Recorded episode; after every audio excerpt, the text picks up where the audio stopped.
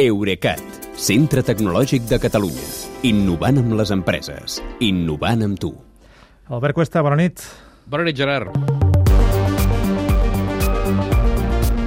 Albert, eh, no ens hem oblidat del que ens has dit fa una estona a la portada. Eh? Ens deies eh, que Pep Guardiola entrenarà jugadors del metavers.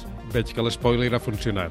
Sí. Uh, T'ho deia perquè el Manchester City, el Manchester City i Sony preparen una versió virtual de l'Etihad Stadium, que suposadament haurà de permetre que els aficionats del club a tot el món assisteixin des de casa a partits del seu equip favorit. Jo no tinc clar si això vol dir que serà un estadi amb capacitat limitada o, amb, o que faran diverses rèpliques de l'estadi de debò. Uh, en tot cas, és una modalitat més per captar seguidors més enllà de la ciutat d'origen d'un equip i mantenir l'interès i el consum dels seguidors mentre no hi ha partit. Segur que veurem més experiències d'aquestes al metavers, que es veu que és el que es porta ara.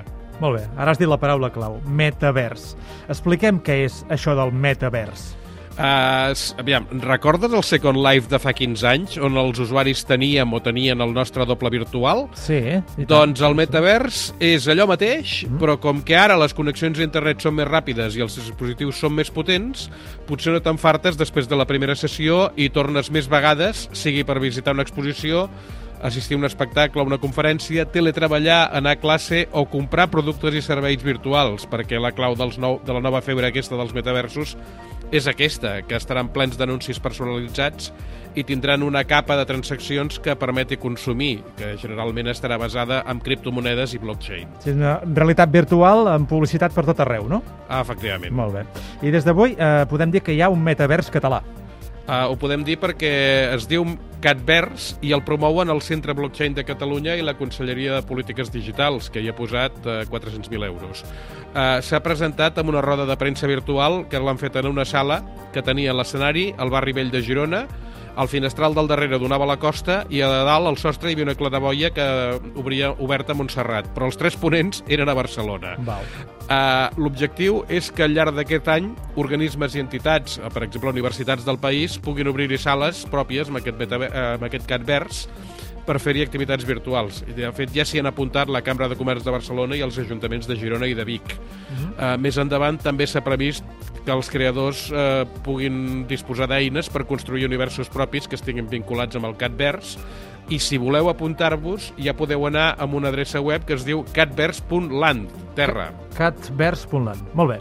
Escolta, dues preguntes tenia per fer-te sobre això. Una, aquest futur Catvers serà en català? Uh, home, uh, si el promou el govern català és d'esperar que s'hi apuntin participants d'aquí i que facin les activitats en català, però per les xarxes socials tal com hem vist com evolucionen, eh, sabem que els universos paral·lels eh, es belluguen o evolucionen segons l'ús que se'n fa. I, per exemple, segur que a les rodes de premsa de polítics i d'esportistes hi, ha, hi haurà algun periodista que els demani repetir al final les declaracions en espanyol. Sí, això tant al món virtual com al real. Escolta, sí. la segona qüestió, quin futur li veus al Catvers i els metaversos en general, a tot el món? Aviam, jo el Catvers trobo que com a experiment està bé, que l'administració, que el govern català doncs, posi una mica, aprovi una mica tots aquests nous entorns. De, no voldria semblar massa escèptic, eh, perquè de fet el concepte de metavers també inclou tecnologies que són molt útils per a usos professionals, no sé, la realitat augmentada per operaris remots o per telediagnòstic mèdic, però jo trobo que els metaversos per aplicacions de consum encara estan molt verds perquè haver de portar posada molta estona una d'aquestes ulleres de realitat virtual acaba de ser incòmode mm -hmm. i mhm. fins i tot antinatural per les persones amb qui et trobes físicament. Uh, perquè, però és que també és veritat que a la Fira CES de Las Vegas la setmana passada es van presentar models d'ulleres connectades que són menys aparatoses que les que coneixem, que les que us venen al cap a tots, sí. i també roba àptica, que és una que et fa, sentir, et fa tenir sensacions físiques com el fred, el calor o el formigueig, les sensacions que està notant el teu avatar al món virtual. Molt bé, queda clar doncs que el metavers està metavert. En tot cas, sigui com sigui, en Quirze Salomó, que és el president del Centre Blockchain a Catalunya, eh, eh, deia que, que d'aquí 3 anys aproximadament l'ús del metavers serà habitual i que d'aquí 5 anys serà universal. Això tu creus? Uh, a veure, jo no et dic que no, uh, perquè tot pot ser, però també et dic que els pronòstics a 5 anys vista són molt fàcils de fer, perquè si t'equivoques uh, si t'equivoques ara, uh, l'any 2027 no vindrà ningú a retreure tu. I, de fet, d'això en saben molt les consultores de negoci, siguin virtuals o negocis digitals o el que sigui.